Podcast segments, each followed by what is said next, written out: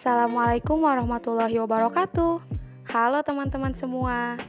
Perkenalkan, kami perwakilan dari kelompok 2 P2M tahun 2021.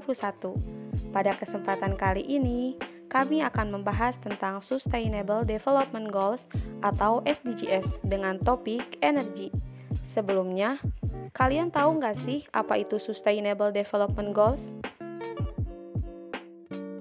Kalau setauku, SDGs itu 17 tujuan yang diresmikan oleh PBB sebagai agenda untuk menjaga kelangsungan hidup masyarakat. Misalnya dalam mengatasi kemiskinan, kesenjangan sosial, dan perubahan iklim dalam bentuk aksi nyata. Nah, betul banget ya apa yang dibilang oleh Teh Rima.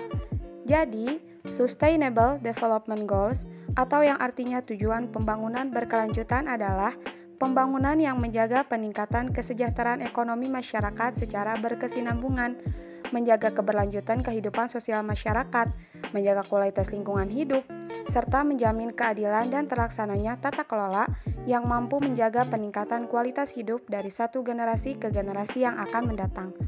Lalu, apa saja kira-kira hal yang membedakan 17 pembangunan berkelanjutan atau SDGs dengan tujuan pembangunan lainnya?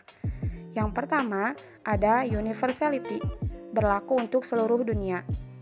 Pertama dan yang paling penting, karena tujuan ini berlaku untuk setiap negara dan setiap sektor, mulai dari kota, sekolah, organisasi, dan semuanya ditantang untuk bertindak.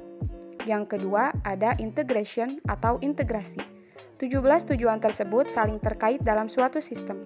Kita tidak bisa hanya mencapai satu tujuan, saja, melainkan kita harus bisa mencapai semuanya. Yang ketiga ada transformation atau perubahan. Dengan tercapainya tujuan-tujuan ini, akan mampu menciptakan perubahan yang sangat besar dan mendasar dalam cara kita hidup di bumi. SDGs ini yang berisi 17 tujuan beserta 169 capaian target yang terstruktur merupakan rencana aksi global untuk 15 tahun ke depan yang berlaku sejak tahun 2016 hingga 2030. Nah, tujuan ketujuh dari 17 tujuan yang termuat dalam SDGs adalah energi bersih dan terjangkau.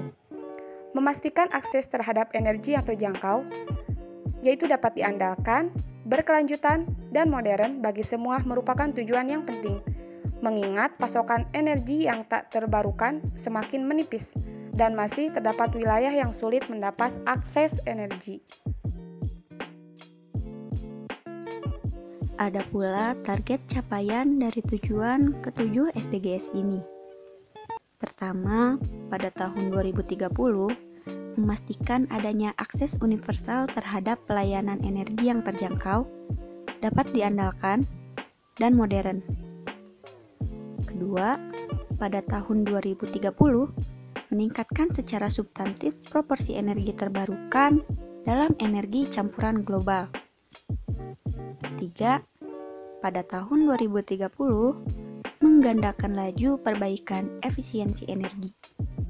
Keempat, pada tahun 2030, memperbanyak kerjasama internasional untuk memfasilitasi akses terhadap riset dan teknologi energi bersih, termasuk energi terbarukan efisiensi energi dan teknologi bahan bakar fosil yang lebih maju dan bersih, dan juga mendorong investasi dalam infrastruktur energi dan teknologi energi bersih. Kelima, pada tahun 2030, menambah infrastruktur dan meningkatkan mutu teknologi untuk suplai pelayanan energi modern dan berkelanjutan untuk semua negara berkembang, khususnya di negara-negara kurang berkembang, negara berkembang kepulauan kecil, dan negara berkembang terkungkung daratan sesuai dengan bantuan program masing-masing.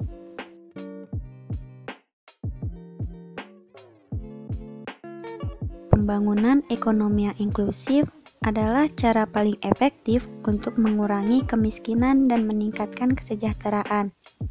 Tetapi sebagian besar kegiatan ekonomi mustahil dilakukan tanpa tersedianya energi modern yang cukup, handal, dan memiliki harga yang kompetitif.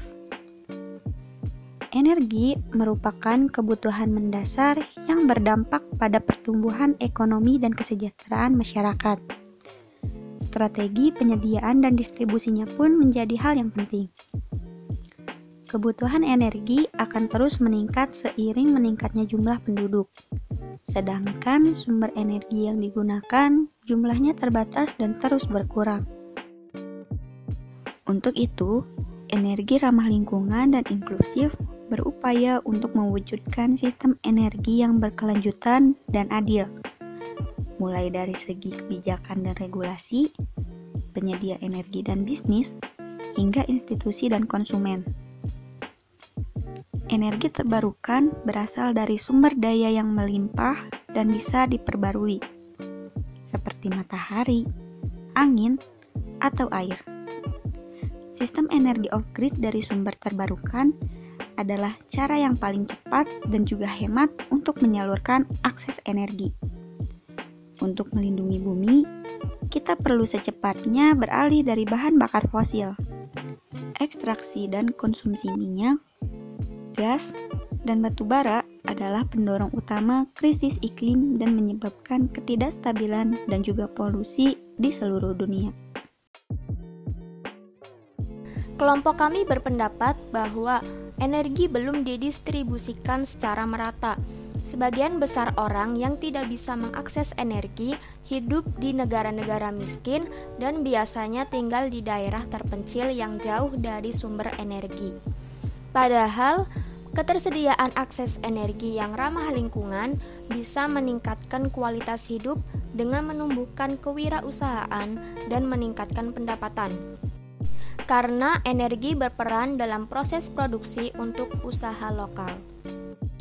Melalui kombinasi beberapa teknologi efisiensi energi, desain bangunan yang baik, dan teknologi atap terbarukan yang baru, gedung Zero Net Energy sudah bisa dibangun. Dalam banyak kasus, gedung-gedung tersebut menghasilkan tenaga matahari yang dialirkan ke dalam jaringan untuk dipakai pihak lain. Tentunya, selain efisiensi energi, reformasi kebijakan, dan penghapusan subsidi, perlu juga dipastikan bahwa negara-negara beralih dari bahan bakar fosil ke energi terbarukan. Kemajuan teknologi yang pesat telah menurunkan biaya energi terbarukan bagi tiap orang.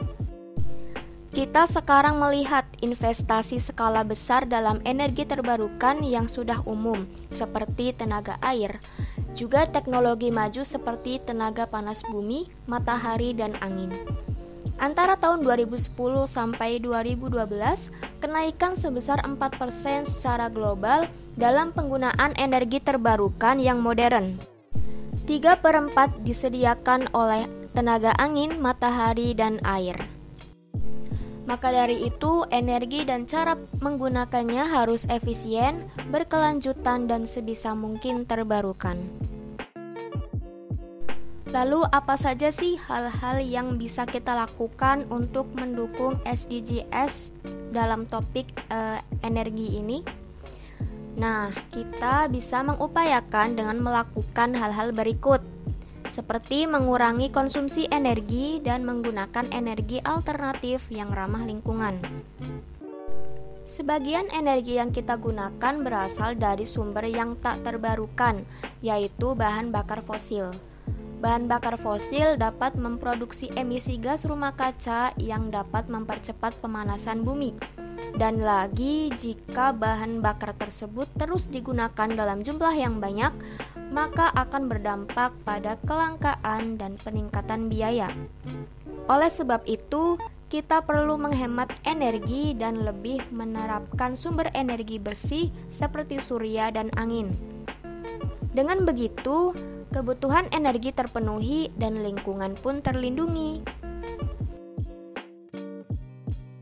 Itu dia podcast dari kelompok 2 dengan tema Sustainable Development Goals dengan topik energi atau affordable and clean energy.